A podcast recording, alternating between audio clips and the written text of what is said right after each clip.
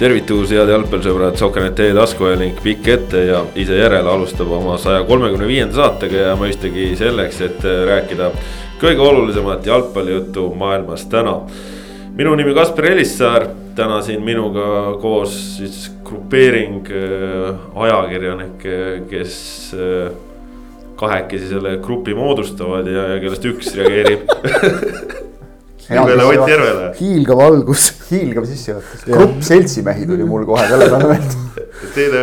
kõlab nagu no ja näha on, et sa ei ole kaua saanud seda mikro, mikrofoni käes hoida, et, et nii sujuvat sissejuhatust ma ei mäletagi tükk aega. säärased, säärased kommunistlikud kõnepruugid hakkasid sul Itaalias külge, ma vaatan, seal see vasakpoolsus kohati on päris levinud. ma käisin ikkagi siin teatud jalgpallikohtumistel ka, kus oli väga palju lausa võiks öelda radikaalseid vasakpoolseid ja nii edasi, nii et. no vot, vot ärge käige jalgpalli vaatamas, peaks ütlema selle peale. oli ka parempoolseid selles mõttes julm värk noh, julm värk. igatahes täna siis oleme jah sihukeses seltskonnas siin ja, ja osa nendest meestest, kes on siin näiteks eelmisel nädalal olnud. Neid me enam ei näe üldse siin lähiajal, vähemalt küll mitte. ei no selles mõttes nagu alles nad on ikka, et, et no, kadunud, aga mitte meie, meie jaoks kadunud. meie jaoks kadunud ühesõnaga tervitused siis Rasmus Voolaidile, kes äh, on läinud äh, noh, nagu öeldakse, halvematele jahimaadele. ja, ja täna siis räägime. noored inimesed ikka teevad selliseid mõtlematuid käike elus vahel. Noh. teevad ikka jah. täna räägime siis jalgpallijuttu, äh, räägime eurosarjadest natukene, räägime kodusest liigast, räägime Eesti koondisest. ja teeme seda kõike ennenägematu kiirusega nii et kes on harjunud pikkade podcast idega, siis täna tuleb üks lühemat sorti ja, ja julgen kinnitada, et see ka nii jääb, et äh, oleme varem ka neid jutte alguses rääkinud, aga siis on asjad lappama läinud, täna ei lähe. Paide otsa umbes siis, vist, sinna kanti. ei jõua päris Paidesse täna jah, aga Paidest jõuame rääkida. Viimsisse. jah, see on täitsa reaalne. Äh, neljapäeval oli siis jälle Eesti jalgpallis ajalooline hetk, ehk siis Eesti klubi mängis esimest korda eurosarja alagrupi kohtumist võõrsil. miks sa naerma hakkad selle peale? ajalooline jälle. nagu see NBA, NBA statistika, et, et igas mängus tehtav iga liigutus on ajalooline. seda pole enne tehtud selles kombinatsioonis. video sissejuhatuses, mis me Belgradis tegime, suutsin ka öelda, et kui vaja, ma, ma liivin igale sellele Flora eurosarja mängule ajaloolise sildi külge, midagi ikka leiab. sellepärast ma hakkasingi naerma ka. aga ta on ju meenustuse video, aga no Belgrad ja Flora ja tegelikult äh, partisaniga mäng siis selline, millest ei teadnud, mida oodata või, või kui teadsid isegi, mida oodata, siis see ootus oli, oli kurvem mäng tegelikult üldse nii kurb ei olnudki, aga ei olnud ka mäng üldse see, mis oli seal põhifookuses. Ott, sa olid ise seal kohapeal, see kõik, mis Markus Sepikuga seal toimus no see oli ehmatav ja see oli, see oli päris õudne. Äh, ja, ja kogu see noh, et, et ikkagi, kui, kui, kui see intsident seal juhtus ja oli näha paanikat teistes Flora mängijates. Äh, see on alati märk, et olukord on halb ja kuna noh, see paanika ei läinud koheselt üle, vaid seda kiirabiautot tõepoolest nõuti sinna väljakule mängija kõrvale, siis see kestis mõnda aega ja need need äh, minutid, äh, noh, ma võin rääkida, et noh, mul oli ebameeldiv ja ma arvan, seal teistel pealtvaatajatel samamoodi ja, ja ajakirjanikel ka, aga noh, et mis nagu pidid äh, tundma teise Flora mängijad platsil ja, ja Sepiku enda lähedased, kui nad juhtusid seda mängu telekast vaatama, siis see on noh, on ju, paned sinna kümnete või sadade kordade koefitsienti juurde. sellest olukorrast noh on lahti seletatud, on ju, et mis, mis seal siis noh juhtus, õigemini täpselt siiamaani ei teatagi, mis seal täpselt juhtus. aga üks selline ähm, asi, mis sealt nagu kaasa võtta minu meelest on see, mis nagu tuli mängujärgsel pressikonverentsil välja, kuidas Jürgen Henn rääkis.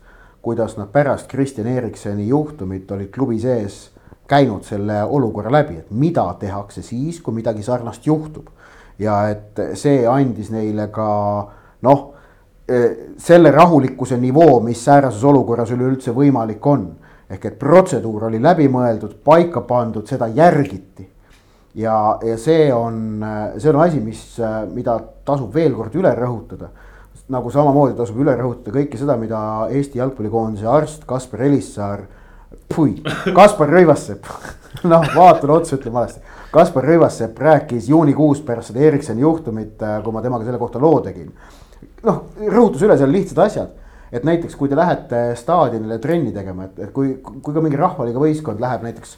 noh, võtame näiteks, kus Tallinnas käiakse päris palju trenni tegemas, on Kotka staadion, see Kotka tänava kunstpuruväljak. et ilmselt, ma eeldan, ilmselt seal on ka see defibrilla-, defibrillaator olemas. aga kas need, kes seal trenni teevad, kas nad teavad, kus see seal täpselt on?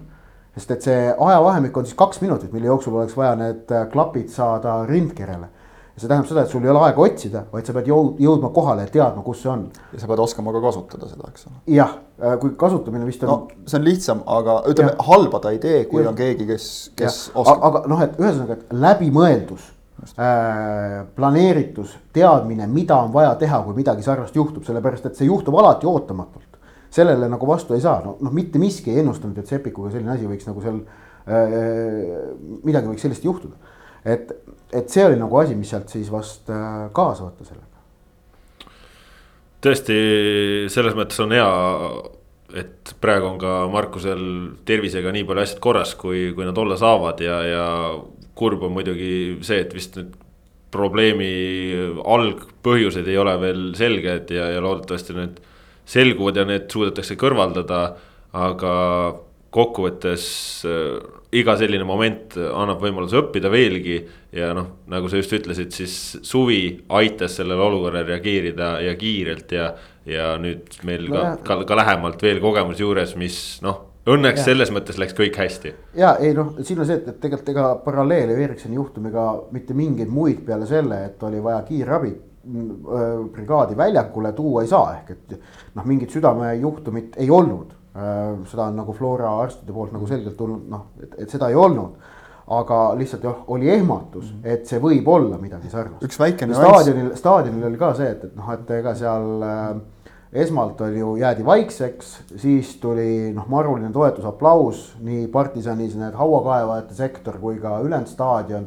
et noh, selles mõttes käituti nii, nagu täpselt eeldada võis, eks ole. nagu ütleme, käitutakse jalgpallikultuuris ja nagu käituvad üldse lihtsalt. Empaatiavõimelised inimesed, eks ja, ole. et üks väike nüanss võib-olla telepildis, mis, mis võis äkki natuke ehmatada, oli see kiirabiauto sõitmine väljakule, et noh, seda me Euroopas nagu väga tihti ei näe, samas minu meelest Ida-Euroopas on see nagu võrdlemisi tavaline, just nagu Bulgaariat, Rumeeniat, Balkan. seal, seal ei ole see nagu nii haruldane, et kiirveoauto sõidabki otse väljakule, et see võis tekitada võib-olla ka nagu natukene muljet, et asi on päris hull. ma, ma võin omalt poolt nagu rääkida, et kuidas see telepilti nagu jäi ja, ja noh, Kaspar samamoodi, eks ole, et minu meelest telepilti jäi see nagu, võib-olla ta ei jätnud nii hullu muljet okay.. et noh, režiitööst oli palju juttu Ericssoni juhtumisega seoses, et mida näidata, kui palju näidata. et näidati nii palju, kui oli, oli vaja ja oli loomulik, aga ei üritatud noh, nagu vinti peale keerata, et mingit draamat toota sellega minu meelest. ja ei noh, aga seal kohapeal oli see, et esmalt on ju, kui seal nagu olid arstid olid kohale jõudnud nii Florast ja siis purtisid suht nobedasti sinna ka partisani pingi pealt arstid ja, ja mitte ei tõtanud, vaid spurtisid mm -hmm. noh, ikka niimoodi, et äh, noh, nii kiiresti kui, kui jalad kandsid. siis, äh, siis oligi, et leiti üles see kiirabiauto, mis oli selles noh, see staadion on, on ju suur katel, et seal on jooksurada ümber mm -hmm. ja siis jooksuraja taga on need lüüsid või noh, altkäigud, kus see kiirabiauto oli pääsenud, sealt leiti see kiirabiauto üles, siis nõuti sealt kiirabiarste. Need tulid siis sealt jooksuga, ühel kukkus veel mask eest maha, mis oli noh, jah, okei okay see, see mul jäi see detail silma. ja siis nõuti juba ka autot, aga auto jah, siis ei saanud sealt otse tulla, auto pidi minema väikse ringiga mööda jooksurada sõitma, kus ta sai sealt mm -hmm., reklaamid olid ees mõnel mm -hmm. pool mujal. aga samas siis juba see, et kui nagu, kui nagu see Epic tõsteti kiirabisse, siis noh, see on ju teatavasti märk, et olukord ei saa olla enam väga halb ta on stabiliseeritud kuidagi. kiirabiautosse tõstetakse ainult stabiliseeritud patsiente, on ju mm. -hmm. ja teine noh, märk oli see, et kui oli näha, et Flora jätkab mänguga, siis see oli ka kindel signaal, et midagi väga hullu ei saa -hmm. olla et noh, noh muidu seda mänguga ei jätkataks. telesse me..., telesse vähemalt mina nagu ei täheldanud, et oleks noh, nagu Flora mängijate mingit sellist paanikat jõudnud, et selles mõttes sellest nagu natuke vaatajad no, säästeti. noh, seal Flora mäng, noh. ma ütlengi, et see, see oli kindlasti olemas, aga see ei jõudnud televisiooni. kiirabit nõudsid, see oli ikka suht paanika. aga telepilti see, see moment ja. nagu ei jõudnud, et algul vaadati rahulikult ja siis, siis juba kaamera. kui sealt alguses ei mujal. tahetud tulla või, või noh, need kiirabibrigaad ei saanud aru, et neid vaja on mm., siis noh, Ken Kallaste esmane spurt sinna selle väljaku nurga suunas oli, oli väga jõuline mm -hmm.. jah äh,, räägime mängust ka natukene mäng äh, oli selles mõttes, ma ütlen, mina nagu kartsin hullemat, aga siis Flora oli täiesti sedasi mängus sees, et sealt oleks võinud esimene poolek küll lõppeda palju paremini. absoluutselt, see on nagu pettumus ju sellest, et, et need kaks lihtsat viga karistati väravatega ära.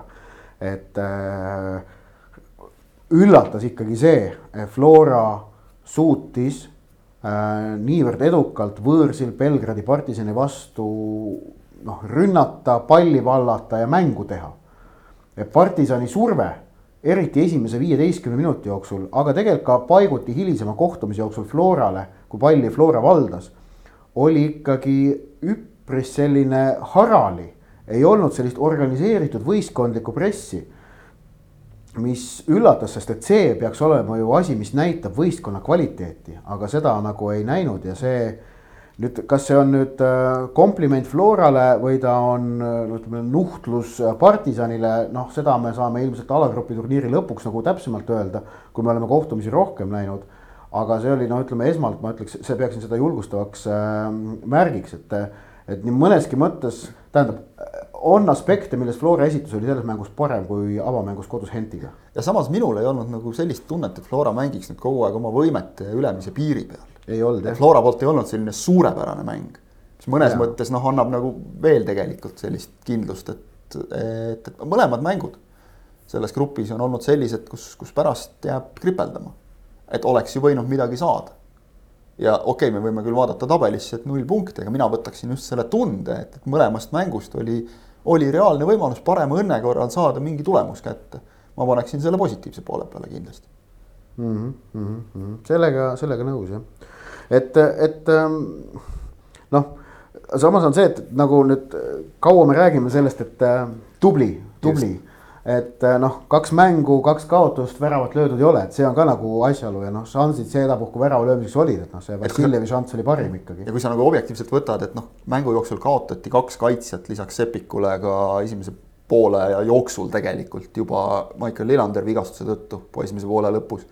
Sappinen oli puudu ikka mitu korda tabasin ennast mängu ajal sellelt mõttelt, et oleks siin praegu nüüd Zappinen olnud, ta oleks vast suutnud neid kaitsjaid karistada. Ja, ja noh, keskväljal ma ütleks, et see Soometsa ja Poomiga minek, sellest võib aru saada, mida taotleti. aga tagantjärgi vaatad, et äkki oleks Milleriga olnud natukene see keskväli just nagu ründe suunal kuidagi teravam. Miller on seal hästi mänginud rohkem tasakaalus natukene. samas muidugi ega noh, individuaalse praagi vastu, mida Flora tegi minu meelest päris palju nagu ei, ei saa ka jälle, et, et, oli, oli kuidagi no seda tegi kõigil... vastane ka samas. no vastane tegi ka jah, aga, aga vot nüüd ongi see küsimus, et kui palju, eks ole, emb-kumb nagu sundis teist eksima. jah, jah, aga lihtsalt siis noh, mängu otsustas ära see, et Lazar Markovitši näol oli Belgradi partisanil olemas ikkagi noh, selline tippkvaliteet, kes need äh, võimalused, mis talle avanesid, ära realiseeris, et noh, eriti see, kuidas ta selle kaks-nulli lõi, et see oli nagu muljetavaldav, noh, üks-nulli puhul oli lihtsalt õigel ajal õiges kohas, aga. mis on ka oskus omaette. no jaa, aga kaks-nulli puhul ta ise vedas selle rünnaku ju kokku ja, ja lõi ära. Ja, ja noh, Floral on selline mees olemas, kahjuks ta ei mänginud. nojah. mitte aga... küll muidugi sellel, sellel tasemel võib-olla nagu Markovitš, aga, aga ütleme Flora kontekstis, et, et see, sellest on kahju võib-olla natukene, et see oli mäng, kust oleks võinud midagi saada ja see on kindlasti kompliment Flora. jah, jah, no nüüd tulevad need mängud, alagrupi seis on nüüd see, et, et Partisan ja Hent on kuue punkti peal ja, ja Flora ja Famagusta nulli peal. ehk et põhimõtteliselt, et edasipääsu šansid jääksid mingisugused, noh, me saaksime nendest veel, veel rääkida. ja no ütleme ausalt, et kaks esimest mängu alagrupi kahe tugevama võistkonnaga on tekitanud fooni, kus kus nagu sellest edasipääsust rääkimine, noh, see ei ole mingi totaalne utoopia, et see ei ole nagu mänguliselt võimatu tegelikult et ta noh, teatud asjaolude kokkulangemise puhul oleks isegi võimalik, aga selle jaoks tuleb ilmselt äh, Famagusta käest võtta maksimum.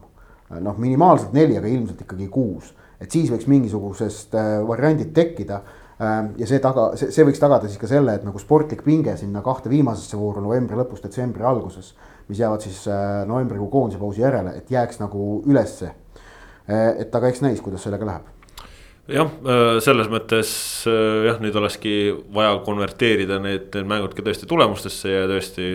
nagu juttu oli, järgmine mäng juba kohe ongi Anastoosisega, mis siis noh. saame näha, ilmselt paljastab siis väga palju selle osas, milliseks tõesti lõppseis kujuneb. aga Ott, Belgradis nägid teisi inimesi ja, ja muid asju ka lisaks sellele, et Flora mängu kajastasid, mis nägid? no nagu tänasest, äh, täna, täna on vast äh, meie kuulajad, vaatajad, äh, vaatajaid meil väga ei ole, kuulajad ja lugejad jõudnud Sokkerite portaalist äkki lugeda, et pikem intervjuu Aleksandr Rogitšiga täna hommikul ilmus, selle ma siis neljapäeva hommikul temaga tegin, aga aga jah, et, et kui intervjuu kestis pool tundi, siis me kokkusaamine oli seal mõnevõrra pikem, et, et Rogitš väga külalislahkelt äh, minu ja Brit-Maria Taela seal enda auto peale võttis, tegi esmalt väikese tuuri Belgradi peal, näitas linna äh,. Ajasime niisama maast-ilmast ka juttu ausalt, et äh, meenutas, meenutas tema aegu siin, siin, siin Eestis ja uuris mingeid uudiseid siit ja, ja mina vastupidi uurisin tema käest, et kuidas tal tema praegusel töökohal U kakskümmend Serbia U kakskümmend koondise peatreenerina läheb ja, ja, ja tegelikult natukene ka niisama Serbia eluolu kohta, et, et mis mismoodi nagu elatakse, et, et noh, näiteks sain teada, et, et noh, et noh, see, see, et, et, et, ma, ma sain tema nagu jutust sellise tunnetuse, et Serbia näeb ennast hetkel sellises maailma geopoliitilises seisus mitte tingimata nüüd Venemaa väga suure ja tugeva liitlasena, vaid te, näiteks noh, Rogitši jutust kumas läbi, et, et ta haistab nagu võimalust Serbial olla see, kes saab mõlema poolega läbi ehk et olla siis selline noh, midagi Šveitsi-laadset seal Balkani keskel. noh, kas see nüüd ka reaalne stsenaarium on, seda võivad geopoliitika spetsialistid öelda, aga, aga siis äh, jah äh,, läksime ka lõunat sööma. ja, ja see oli tänuväärne oli see, et, et Rogic oli ise kaasas, sest et tema oskas siis tellida seda nagu kohalikku toitu, et vaata, kui ise restorani lähed ega ei oska niivõrd äh, täpselt nagu asjadele pihta saada, aga, aga seal oli niimoodi, et mina ja Brit-Maria tellida ei saanud, et selle võttis seltsimees Rogic enda peale. seltsimees siis endiselt jah ja. täna sel lainel. jah, täna, täna sel lainel. Ja noh, kraam, mis nagu lauda toodi, see oli no hiilgav, see oli nagu no suurepärane. Ja kõige parem oli äh, noh, äge oli see, et sain proovida sellist asja nagu vasikaju et, et ma ei teadnud enne, mis see on, noh, tähendab, toodi lauda ja siis öeldi kelneri poolt ka, et proovite ära, siis ütlen, mis see on. noh, ma proovisin ära ja siis, siis öeldi, et ma noh, ja siis paluti pakkuda, ma ütlesin esimesena noh, et kas süda. et noh, no ilmselge oli see, et mingi rupski ta on, on ju. noh, süda öeldi ei ole, aju jah, noh. ja väga mõnus oli. täitsa, täitsa maitsev. Ja, ja siis tegime intervjuu, kui nagu lõuna oli söödud ja kohvi joodud ja, ja intervjuud on siis täna võimalik lugeda ja no intervjuu äh, minu meelest kukkus välja selline, et äh, ega ma läksin sellele intervjuule plaaniga, et, et noh, annan, annan Rogicile vaba mikrofoni, et, et minu meelest see on nagu mõistlik, üpriski mõistlik ja, ja meie lugeja jaoks kõige huvitavam lähenemine noh, olukorras, kus tal endal, endal ju enam otsest seost Eesti jalgpalliga mitte mingisugust ei ole. Vaid, vaid noh, on eesmärk see, et ta, et ta nagu meenutaks omi aegu ja kontekstualiseeriks seda veidikene no lõpuks ta valis üpriski minu arust sellise esinemise, et, et ta, ta tahtis esineda natukene, mida tänasest intervjuust ka on, on näha ja. no ta oli... ilmutas seda oskust juba Eestis olles. see läheb tegelikult tema loomusega kokku natuke. ja, ja, ja. mitte halvas mõttes üldse, vaid lihtsalt. Aga, aga jah, et Levadia aegadest rääkides ta jäi üpris kidakeelseks. no ma proovisin sealt veel niimoodi noh, natukene urgitseda või konksutada, aga noh. näiteks noh, suhete kohta Marko Savitšiga ütles niimoodi väga lühidalt, et no olime, töötasime koos, läksime erinevat teed ja et noh, selle kohta meil siin Eestis on, on erinevaid teooriaid olnud, et neil oli, oli nagu suhted sassi läinud või, või niimoodi. pagan seda teab, kuidas see täpselt siis oli. No vot, igatahes sellised lood ja, ja kindlasti tasub seda intervjuud siis lugeda portaalist, kui mitte täna, siis homme või ülehomme või mis iganes hetkel. ja meil on plaan seda mitte maha võtta. jah, jah, jah, jah, no sellega ka, kuidas on äh, Premium-liigas ka siis Flora tuli oma selle eurosarja pealt ja, ja tuli niimoodi, et äh, Tartu Tammekale ei jäetud varianti ka kolm-null ja siin ei olegi vaja väga palju rohkem öelda. Tammeka oli ikka üpris nutune jah. no nagu Ott sõnastas vist, et nagu jalgpalli, eduka jalgpallikohtumise jaoks on vaja kahte võistkonda. kahjuks oli üks Tammekal on halvasti praegu. no Tammekal on halvasti jah, endiselt, et äh, ega siin enne midagi ilmselt paremaks ei lähe ka, kui seal vaprusega need omavahelised mängud tulevad, noh. no Tammeka jaoks on tähtis see nüüd see kahenädalane paus, kui ma minu meelest, kui ma meenutan äh, Dmitri Kalašnikovi eelmise aasta tööd Tallinna Kaleviga. siis oli ka see, et ta Kaleviga ju, ta tuli samamoodi augusti lõpus. minu meelest äh, sai ta peatreeneriks, kui ma õigesti mäletan, Liivo Leetmaa asemel. ja esmalt nad Kaleviga ju kaotasid äh,, oli kuulda, et Kalašnikovs oli Kalevis ka koormused üles lükanud. kuuldavasti on ta teinud sama ka praegu Tammekas. nüüd see koondise paus oktoobrikuine on, on vast nende jaoks variant äkki sellest natukene taastuda või, ja, või sellega harjuda. ja siis oktoobri mängud näitavad, kas nagu Tammeka kohaneb Kalašnikovsiga, sealhulgas noh, nii mänguliste kui ka kõiki muude nõudmistega või mitte et, et, et noh, sest Tammekal on selge see, et noh, et asjade reaalne seis on see, et, et Tammeka ja Vaprus selgitavad, kumb on üheksas, kumb kümnes. seal on küll omavahelisi mänge nüüd seal Kurega ja ilmselt ka, tähendab tulevikuga ja ilmselt ka Kurega või siis ka Transiga on ju tulemas. aga ma ei usu, et nad nendega suudavad eh, emb-kumb kaheksandaks tõusta, et seal peaks nagu väga perfektne torm selleks juhtuma ning, ning see siis paneb paika, kumb otse esiliigasse läheb, kumb läheb üleminekumängudele.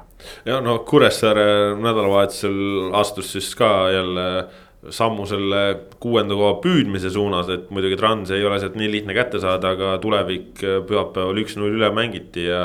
ja noh, tulevik äh, selles mõttes siis ka ikkagi mängib täpselt samamoodi nagu varem, ehk siis no. heal päeval suudavad üllatada Florat. ja siis tavalisel päeval kaotavad lähikonkurendile ka, et ei ole seal no, selles mõttes midagi suurt muutunud vahepeal. jah, Kuressaare mängis ka kindlasti tuleviku üle, aga tulevik ikkagi ise jälle mängis ennast natuke üle, et mitu punast kaarti neil on nüüd viimasest viiest mängust kolm äkki või.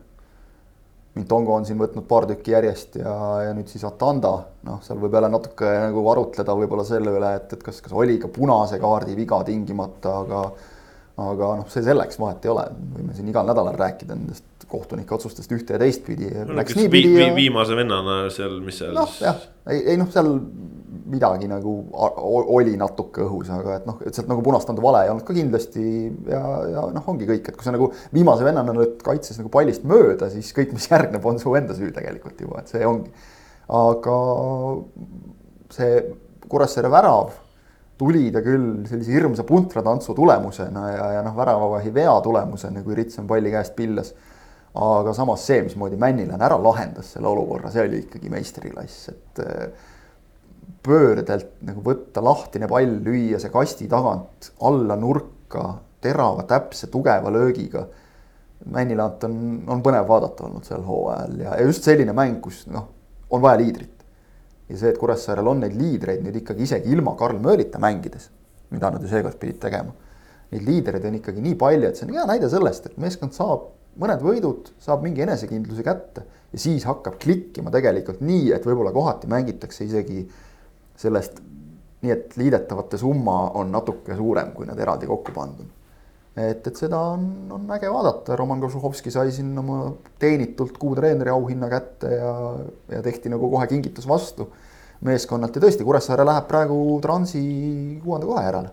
no seal on äh, mängud alles on siis see, et Transil on mäng Tammekaga Kuressaare kaotab kahe punktiga, on ju, Transile, Transil on mäng Tammekaga, Kuressaarel endal on mängud Leegioni ja Floraga. ehk et ähm,. raske, aga ei ütleks, et võimatu. ja ma ei tea, kuidas on Kure ja Transi omavahelised, ehk et kui nad lõpe-, kui, kui Trans teeb Tammekaga viigi, Kure võtab ühe võidu, siis neil on võrdselt punkte. viimane jäi, nagu viimane jäi viiki, eks ole si. kuidas siis see nagu seisud on, aga noh, et Kurel on selles mõttes noh, tähendab kindlasti on vaja see, et nad peavad Leegionit võitma Äh, mis ei ole liiga lihtne, sest noh, me läheme Leegioni juurde ka, et Leegionil ikkagi minu meelest mängu kvaliteedi tõus, kuigi nad ei ole nüüd suutnud ära vormistada seda Kalju vastu, aga mängu kvaliteedi tõus on siiski nagu minu meelest nagu näha. no ja, ja no Florat nad alles võitsid on ju. jah, aga no, noh reaalselt võttes ma ei usu, et nad teist korda Florat tunnetavad. et, et Kurel selles mõttes see kalender neid ei soosinud jah. aga noh, muidugi. Transil on noh, kõige lihtsam mäng liigatabeli järgi alles veel noh, liigatabeli järgi jah, samas nende need omavahelised seal on alati olnud ka üht ja teistpidi, et. neli, kuus ja kuus-neli. just, et ja noh, selle nurga pealt, et ongi, et, et, et kuidas Tammeka nüüd sellelt koondispausi pealt välja tuleb, et äh,. eks see saab tõesti selle nurga alt äh, noh, määrav olema, aga, aga igatahes jah, Kuressaare hoiab omal seda võimalust äh, õhus või üleval ja noh, selles mõttes on ju siis vähemalt ka kahekümne seitsme vooru lõpuni ikkagi põnevus üleval, et, et kes üles, kes alla. ja, ja see põnevus on üleval noh, nii või teisiti igal pool nagu selles suhtes, et see on, see on hea, ma vaatan korraks. kaks-null aprillis võitis Trans ja kaks-üks võitis ka Trans äh, mais, nii et äh, Transi kasuks on omavahelised ka. jah, nii et Kuressaarel on, no tähendab, et äh, kui Trans võidab Tammekat, siis peab Kuressaare saama kaks võitu. kui Trans viigistab Tammekaga siis on Kuressaarel vaja äh, nelja, nelja punkti, punkti., kui Trans kaotab Tammekale, siis piisab Kuressaarel ühest võidust. just, mis äh, natukene veel nädalavahetusel siin öö, äh, oma nagu tähelepanu võttis, oli heitlus siis tabeli neljanda koha peale Leegion äh, vormiliselt siis võõrsil läks Kalju vastu päris nobedalt kaks-null juhtima. Lõpuks Igor Subbotin kangutas Kalju siis viigi peale. klassikaline jalgpallimäng koosneb kahest poolajast, klišee etendamine käis Kadriorus. ehk et esimene poolaeg oli selgelt Leegioni jagu, teine võib-olla isegi vaat et veel selgemalt Kalju oma et Kalju, Kalju üllatas positiivselt sellega, et, et nad olid noh, tegid sellist klassikalist Kaljut, et väga hea tulemus Paide vastu. ja siis noh, polnud nagu mängu ollagi. Ja, ja tehti jälle esimesel poolajal, esimese poole lõpus ära see klassikaline nii-öelda, kasutades ilusat eestikeelset sõna, statement vahetus. ehk siis noh, nagu meeskonna kuidagi ülesäratamise või, või märgu andmise vahetus, kus lükati Andrei Markovitš keskväljale. Deniss Tjapkini asemele, kes välja võeti ja toodi sisse Aleksandr Ivanjušin äärekaitsesse hoopis. Ehk et alguses oli noh, kuna vist oli umbes üks kümme või üks viisteist mängitud, kui Aleksandr Šapovalov oli juba üks-null. siis see sobis Leegionile suurepäraselt, sest noh, me teame, Kalju tagaliin ei hiilga just kiirusega eriti. ja, ja kuna Kalju pidi ründama, siis nad tõstsid oma liine ja see jättis, noh, nad jäid kogu aeg jäid aeglaseks Leegion kasutas Kirill Nesteroviga kohati kuskil seal alum-, ülemise poolkaitse koha peal või äärel. ehk et Leegionil oli ees kiirus, Šapovalov, Pakic, kes noh, on küll suur mees, aga kui hoo üles saab, siis pika ja kiire sammuga. ja, ja vasakult äärel Leonid Arhipov tõusis pidevalt, mängis sisuliselt ka nagu vasak äärt ikkagi täiesti pidevalt vasakut ääreründajat. ehk et äh, Kalju tagaliin jäi kogu aeg hätta sellega. ja, ja., ja kui nad äh, selle ära muutsid et tõid keskele Markovitši, kes noh, keskel oli, oli ka üks aeglane mees Japkini näol. siis nad said nagu mängu tasakaalu kätte ja siis teiseks poolajaks äh, noh, kuuldavasti riietusruumis tehti nagu sellist sirget, selget ja konkreetset juttu, nagu Igor Subbotin pärast mängu tunnistas intervjuus. et äh, äratasid ennast üles ja, ja panid ennast nüüd ikkagi heasse seisu, sest vahe on endiselt viis. ja noh, kui oleme vaadanud, siis äh, mis puudutab esikolmikult punktide võtmist, jah, Leegion on, ütleme, mänginud võib-olla natuke paremini. samas Kalju on mänginud ka neid suuri mänge võrdselt, neil on nüüd kinnitus olemas Paide vastu, et nad suudavad võita, kui neil asjad välja tulevad, see kindlasti annab psühholoogiliselt midagi juurde. Leegionit minu meelest see kammitseb natukene. see teadmine, et, et noh, me, me oleme nagu teinud omalt poolt ära asjad, aga me ei ole kätte saanud. ja, ja, ja nüüd noh, neljas koht, see on au peale mängimine puhtalt aga ikkagi viis punkti, mis noh, tõenäoliselt ilmselt vaadates mänge jääb. Kaljul on vaprusega mängida ja Leegionil oli vist mäletagi praegu kellega no, täpselt. selles mõttes seal tulevad lõpuks ju omavahelised tulevad ka niikuinii. tulevadki just need omavahelised mängud, et noh, sealt omavahelistest jah, saab veel võtta, eks ole. aga, aga tuleks ka nagu suuri ülemist otsa nagu esikolmikut näpistada ja ma arvan, et selles nad on mõlemad üsna võrdsed, ehk et trumbid on Kalju käes kõik praegu ikkagi et see neljas koht hoida. mis oli Leegioni puhul väga sümpaatne, et noh, seda, mida me oleme tahtnud näha tegelikult Leegionist. alates sellest, kui nad kõrgliigasse tulid, et neid Leegioni oma noori, kes on tublid ja toredad ja keda, keda on tõesti äge vaadata, et see ei ole klišee, mida Leegioni treenerid on siin ja mängijad ise ka on korduvalt korrutanud, et.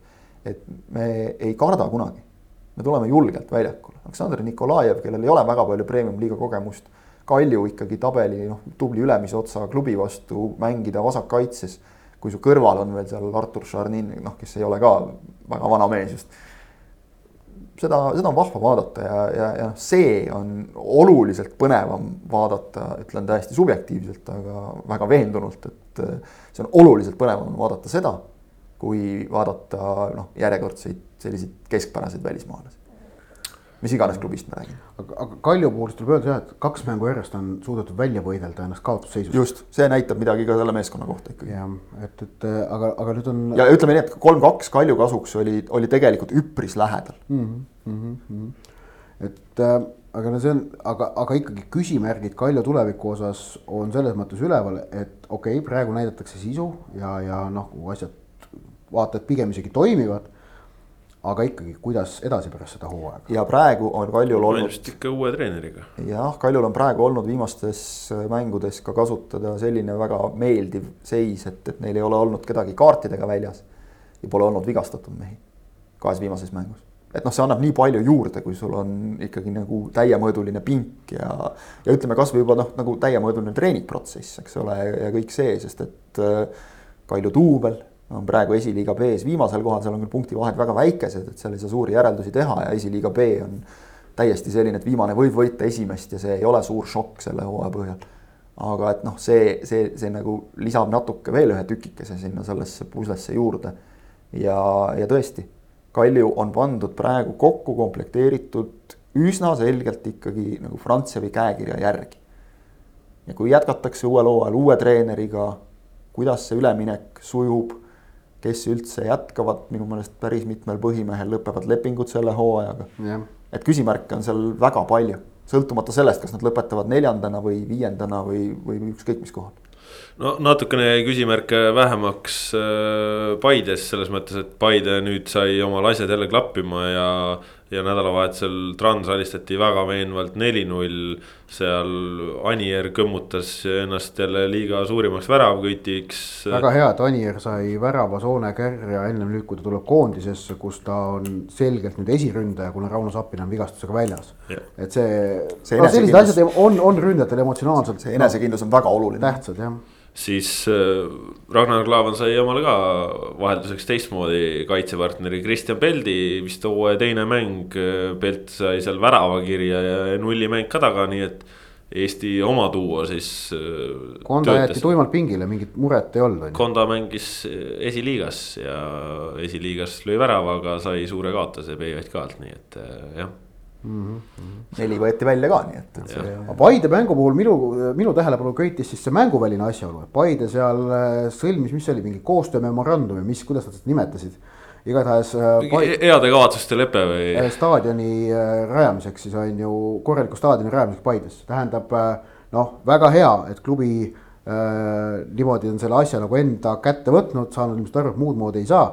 aga tähelepanuväärne on selles minu meelest see, et, et see koostöömemorandum kirjutati alla äh, kohapealsest poliitilisest maastikust ikkagi ainult kahe jõu esindajatega, et seal olid ainult Keskerakonna ja Isamaa esindajad, kellega too memorandum sõlmiti, aga kes äh, ma lugesin kohe, kui ma seda nägin, siis ma noh, see oli küll juhuslik ilmselt, aga igatahes nädalavahetusel minu meelest oli see minu meelest oli see Eesti Päevaleht, kes parajasti tegi siis, võis ka olla Postimees, aga pigem oli see Eesti Päevaleht, kes tegi siis kokkuvõtte Äh, Paide valimisolukorrast on ju, et noh, nad, nad, käivad erinevaid Eesti paiku läbi ja teevad nagu, selgitavad, mis seal nagu kohapeal need jõujooned on.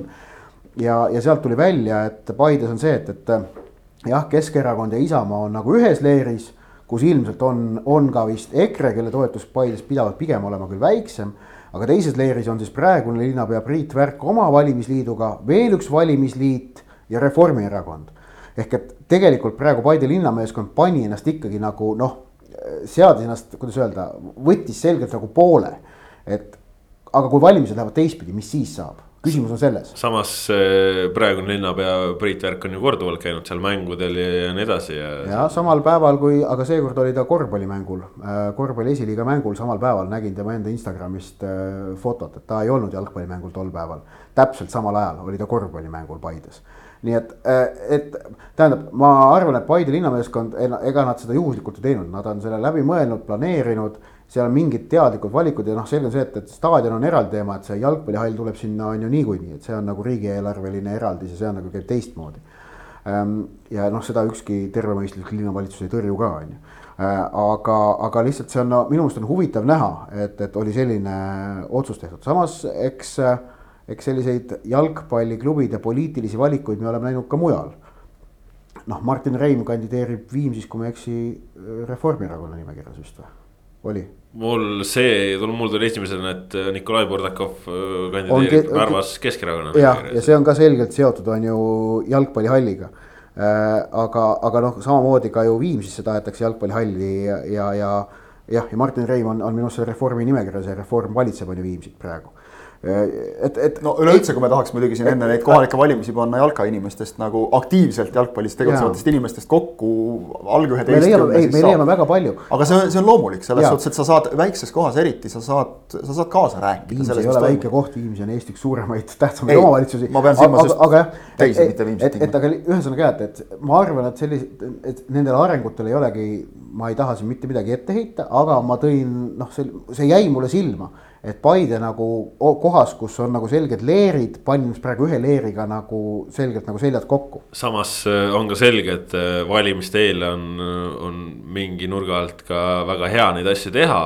et. Äh, et sellega ongi siis võttagi mingisugune kindel suund ja, ja noh, eks poliitikud tunnetavad ka, et kui nad midagi lubavad, siis võib-olla õnnestub jalgpallikogukond oma häältega endale taha saada, on ju, et. Äh, see on kahtlemata õige, et, et äh, jalgpallil selles mõttes heas mõttes tuleb äh, asju välja pressida oma, oma häältega poliitilistelt jõududelt jah, no igatahes väike sammuke loodetavasti jälle astutud parema tuleviku suunas ja see siin hetkel ei olnud siis valimisloosung, aga. Aga nii palju siis kodumaisest liiga jalgpallist ja kõigest sellega seonduvast. tänasel esmaspäevasel päeval on nüüd kokku tulnud ka Eesti rahvuskoondis, keda ootab siis nädala aja jooksul kaks valikmängu, esmalt reedel kodus Valgevenega ning seejärel nädala pärast esmaspäeval Äh, kodus siis Walesiga ja sellega seoses on siis ka selline teadaanne, et järgmise nädala podcast ilmub teisipäeval. aga koondis on äh, nüüd siis tulemas nendele mängudele vastuseisu pealt, kus viimati võõrsil mängiti Walesiga viiki. Äh, nüüd on meil ees ootamas kodus Valgevene, kes on igasuguste objektiivsete alustel kõige jõukohasem vastane üldse meie alagrupis ja me mängime kodus, kus niikuinii tahetakse ja loodetakse väga häid tulemusi. Ja, ja Wales ka nüüd meil kodus külas olukorras, kus siis neil pole näiteks Garrett Bale'i ja, ja me oleme nendega värskelt viigi teinud.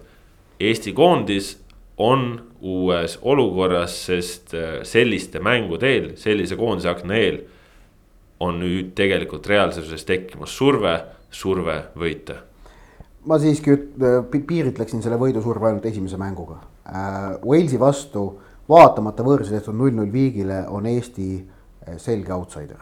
no va vaatame asjadele reaalselt otsa, no ikkagi on. Outsider kindlasti, aga selline ütleme, et ootuse tase on, ütleme, et kindlasti selle nädala Tõusnud. peal sihuke neli punkti nagu miinimum või?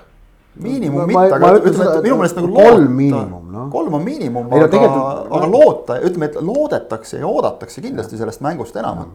et kui me, kui me oleks näiteks Walesilt saanud võõrsil tappa ja, ja meil ei oleks noh, neid nüüd tullakse ju tegelikult jälle koondisesse, mängijad tulevad ka hea noh, hea mälestus emotsiooni pealt. pluss see, et, et nii mõnigi mees nagu Karol Mets või Mattias Käit tuleb näiteks uue koduklubi leidmise järel nagu ka hea emotsiooni pealt, eks ole, et, et noh, eelmises aknas oli veel lahtine asi, nüüd on juba kindel kindlasti oluliselt mõnusam, sul mingi tulevik on paigas. Äh, Anierist juba rääkisime, noh, Sapineni puudumine muidugi on, on väga suur pauk meile, aga aga no ütleme, vähemalt ta langes välja nagu liinist, kus on talle asendajaid võtta jah, et Mõni, Sorga, teise... Sorga lõi ka jälle värava. just, Sorga tegi jälle skoori ja nagu ütleme ka sellise värava lõi, mis näitab ka mängija enesekindlust teataval määral äh,. siis Anierist rääkisime, Robert Kirson nüüd, keda vist esi, esialgses nimekirjas polnud justkui see on siin ka välja öeldud avalikult, aga, aga nüüd ikkagi on, et ja kes, kes on ka ikkagi olnud hoos endiselt. Noh, ei ole hullu, senioovid allikud, eks ole, on siin nagu ka teinud, teinud asja, et meil nagu neid ründemängijaid on siin säranud igasuguseid, eks ole. kas Allik oli, meil ei olnud koondises vist? ei, ei ole, ei ole jah. et no üldse, üldse nagu Eesti ründemängijad kuidagi, mulle tundub nagu üleüldine see on nagu sihuke löövad väravaid jälle, vahepeal meil oli küll selline seis, et, et noh, kus nagu oli sihuke tunne, et kas selle eestlasena üldse sinna vastase värava alla asja on. et kus, kus need Ooper ja Zelenski nüüd on? ja kogu aeg, no, et kus on, on, on küll. hooaeg, kui Tristan Koskor oli kõrgliiga parim eestlasest väravakütt, aga ta oli vist väravakütti edetabellis äkki viiendal kohal. no just. Nagu eespool olid, on ju Liliu, Joao Morelli vist, kes seal veel olid? ühesõnaga tippklubides nagu eestlased ei löönud. äkki Kabajev võis toona olla. ja, ja just, just. Eesti tippklubides eestlased ei löönud, see on nüüd muutunud, ma usun, et, et see noh, see mõjutab nagu noh, teisi mängijaid ka natukene kaudselt, aga no., aga see, et, et jah, esimeses mängus on, on võidukohustus, ma arvan, et selle kohustuse panevad endale suhteliselt hea meelega peale nii Toomas Häberli kui mängijad. Sest noh, sul ei ole sellest Valgevene, kui sa Valgevenet kodus ei võida, noh siis ei olegi nagu selles ajagrupis millegi muu peale väga loota. ja kui peaks õnnestuma võita, siis sealt saab minna Walesi vastu mängima, ma usun, tegelikult juba üpris pingevabalt. ja et selle Walesi mängu tegeliku ootuse me saame paika pärast seda, kui Valgevene vastu tulemus on teada. just kui me peaksime näiteks Valgevenele kaotama või no isegi tegelikult viiki siis, mängima, no. siis, siis, siis on ikkagi see, et, et siis, siis, siis nagu noh, et saada sellest grupist. Midagigi peale viimase koha, siis oleks vaja nagu võita kedagi ja oleme ausad, noh. Wales kodus ilma Bale'ita võiks nagu olla see, keda me Tšehhit võõrsil, Belgiat võõrsil, no me ei võida neid. et tähendab, et äh, Ilmselt. kui, kui Valgevenega läheb viiki siis on vaja noh, Walesi võita, et viimasest kohast pääseda, kui Valgevenele kaotatakse, on kõik läbi, viimane koht on ju. noh, kust Eesti siia valikgruppiga loositi, aga, aga jah, et Valgevene vastu nagu kahtlemata see võidu ootus on suur ja, ja ja see on äh, nüüd uus olukord Häberlil. Äh,, valikmängule ta ikkagi võiduootusega varem pole vastu läinud, tõsi, sellele seis on sarnane mänguga Lätile, Balti turniiri viimane mäng, kui mindi kodus platsile teadmisega, et on vaja võita. Et noh, mu, mu, mu teatavasti viigist toona ei piisanud, on ju, lätlaste väravate vahel oli parem et oli ja saadi see võit kätte. aga see on hea, et on see kogemus olemas, sa saad selle nagu kaasa võtta. see, see nagu natukene on sarnane praegu. ja, ja samas, eks ole, mäletame ka Läti mängu lõppu, mis läks väga-väga närviliseks, et ka see mm. kogemus on tegelikult olemas, et noh, oleks sealt näiteks kolm-null üle sõidetud no,. Walesi mängu lõpp oli ka suht närviline. just aga noh, vastane oli teistsugune, eks ole, aga selles mõttes see Läti mäng võib olla väga-väga kasulik, kui suudetakse õigesti see, see tunne üle tuua nüüd tänases no,. mis, mis nüüd äh, sel nädalal on teistmoodi, on see, et esimene mäng on tõesti alles siis reedel. Ehk siis äh, koondis, kes juba eile õhtust on, on kogunenud äh, vaikselt, aga osad vennad veel täna õhtul jõuavad koondise juurde, noh saab ikkagi mõned treeningpäevad mis on, ütleme oluliselt parem seis kui näiteks, et sul esimene mäng on kohe kolmapäeval juba, mida kogesime ka siin värskelt. kui reedel on mäng, see tähendab neljapäeval on ettevalmistav treen, mis on selline noh, enamasti kergem, aga kolmapäeval peaksid nad saama, et noh, need, kes jõuavad täna, need teevad homme veel natukene kergemalt, aga kolmapäev peaks olema selline noh, võimalik teha nagu sellist tõsist no,. ma mõtlen mitte tugevat, noh, ega tugevat ei olegi vaja teha, tugevat äh, tehakse klubides siis, kui on õige hetk. aga just selles mõttes, et, et on võimalik teha nagu äh, näha, teha, teha sellist nõnda nii-öelda tehnilist tööd sellist noh, technical work inglise keeles, noh et noh, planeerida mingeid asju, harjutada mingeid, joosta mingeid kombinatsioone sisse, mingid sellised kindlad tegevused paika panna. äkki noh, ilmselt standarditega paistab, et niikuinii standardeid tehakse rohkem vist äh,, mul on tunne, kuidas öelda, noh, video ja, ja, ja joonistatakse no,. ikkagi on tehtud standardid vist ikka ka füüsiliselt ka, et. halba idee, kui sa saad, kui sul on see võimalus, eks ole, võib-olla ei ole lihtsalt enamasti olnud nagu aega sellele keskenduda, aga, aga et saab sellist süstemaatilist tööd teha, ühesõnaga just et äh, see on, see on oluline, aga noh, samas jällegi jah, et äh, see teine mäng tuleb nii ruttu otsa. suurim trump on see, et Eesti ei pea reisima vahepeal, ehk siis äh, reede mäng ära, nädalavahetus vahel ja, ja esmaspäeval kohe siis Wales peale. ja ütleme, et mängude järjekord võib-olla on ka selles mõttes parem, pikemalt saad valmistuda selleks olulisemaks mänguks. just, et selles mõttes öö, oleme huvitava nädala ootel ja tõesti siis koosseisu osas jah, seni on siis Äh, Rauno Sappini puudumine kõige suurem. Ilmselt see tähendab Erik Sorga jaoks esimeses järgus äh, suuremat võimalust, Sorga nädalavahetusel lõi. Äh, Hollandi esiliigas värav ka päris kauni teise, nii et. ma ei välistaks, kas teate, Sergei Zenjovi kasutamine nüüd edurivis selles koondise aknas, ma arvan, et selle nagu ta, kuna seda on ka nüüd Floras tehtud, et see võimalus suureneb. samas see, ütleme Zenjovi senine kasutus on olnud ikkagi võrdlemisi minimaalsemat sorti, ehk siis mm. -hmm. no. ei, seda küll. koondises Häberdi on väga vähe kasutanud Zenjovi, just olukordades, kus on olnud nagu võimalus tuua Zenjov ka kas, kas ründesse või kuhugi ja ta ei ole seda väga teinud, aga vaatame põnev, et kas ta seekord teeb. jah ühesõnaga oot-. Põhja-Iirimaa vastu ju toodi tegelikult. ja no nüüd viimases, viimases see oli, see aknas toodi jah. jah, siis, siis kasutati, ma ei välistaks üldse seda nüüd ka selles aknas aga kokkuvõttes siin vist äh, reede osas esmajoones ei ole absoluutselt mitte mingisugust teist ootust kui kolm punkti võita. no on noh, see, see ei taha nagu üldse öelda, see, see ei ole kuidagi nagu halvasti öelda, aga see on nagu ütleme nii Balti turniiriga, nii selle Walesi mänguga tekitatud ootusfoon, et, et noh, Valgevene võiks olla nüüd koondis, keda suudetakse äh, kimbutada, eriti koduväljakul. no Valgevene ei ole nüüd mingi nagu papist poiss olnud, tõlhutame, kodus nemad kaotasid Belgiale null-üks, et, et noh, ei, ei, ja, ja Walesiga mängisid septembri alguses kaks-kolm. et ei tasu arvata, et noh, Valgevene on noh, nõrk.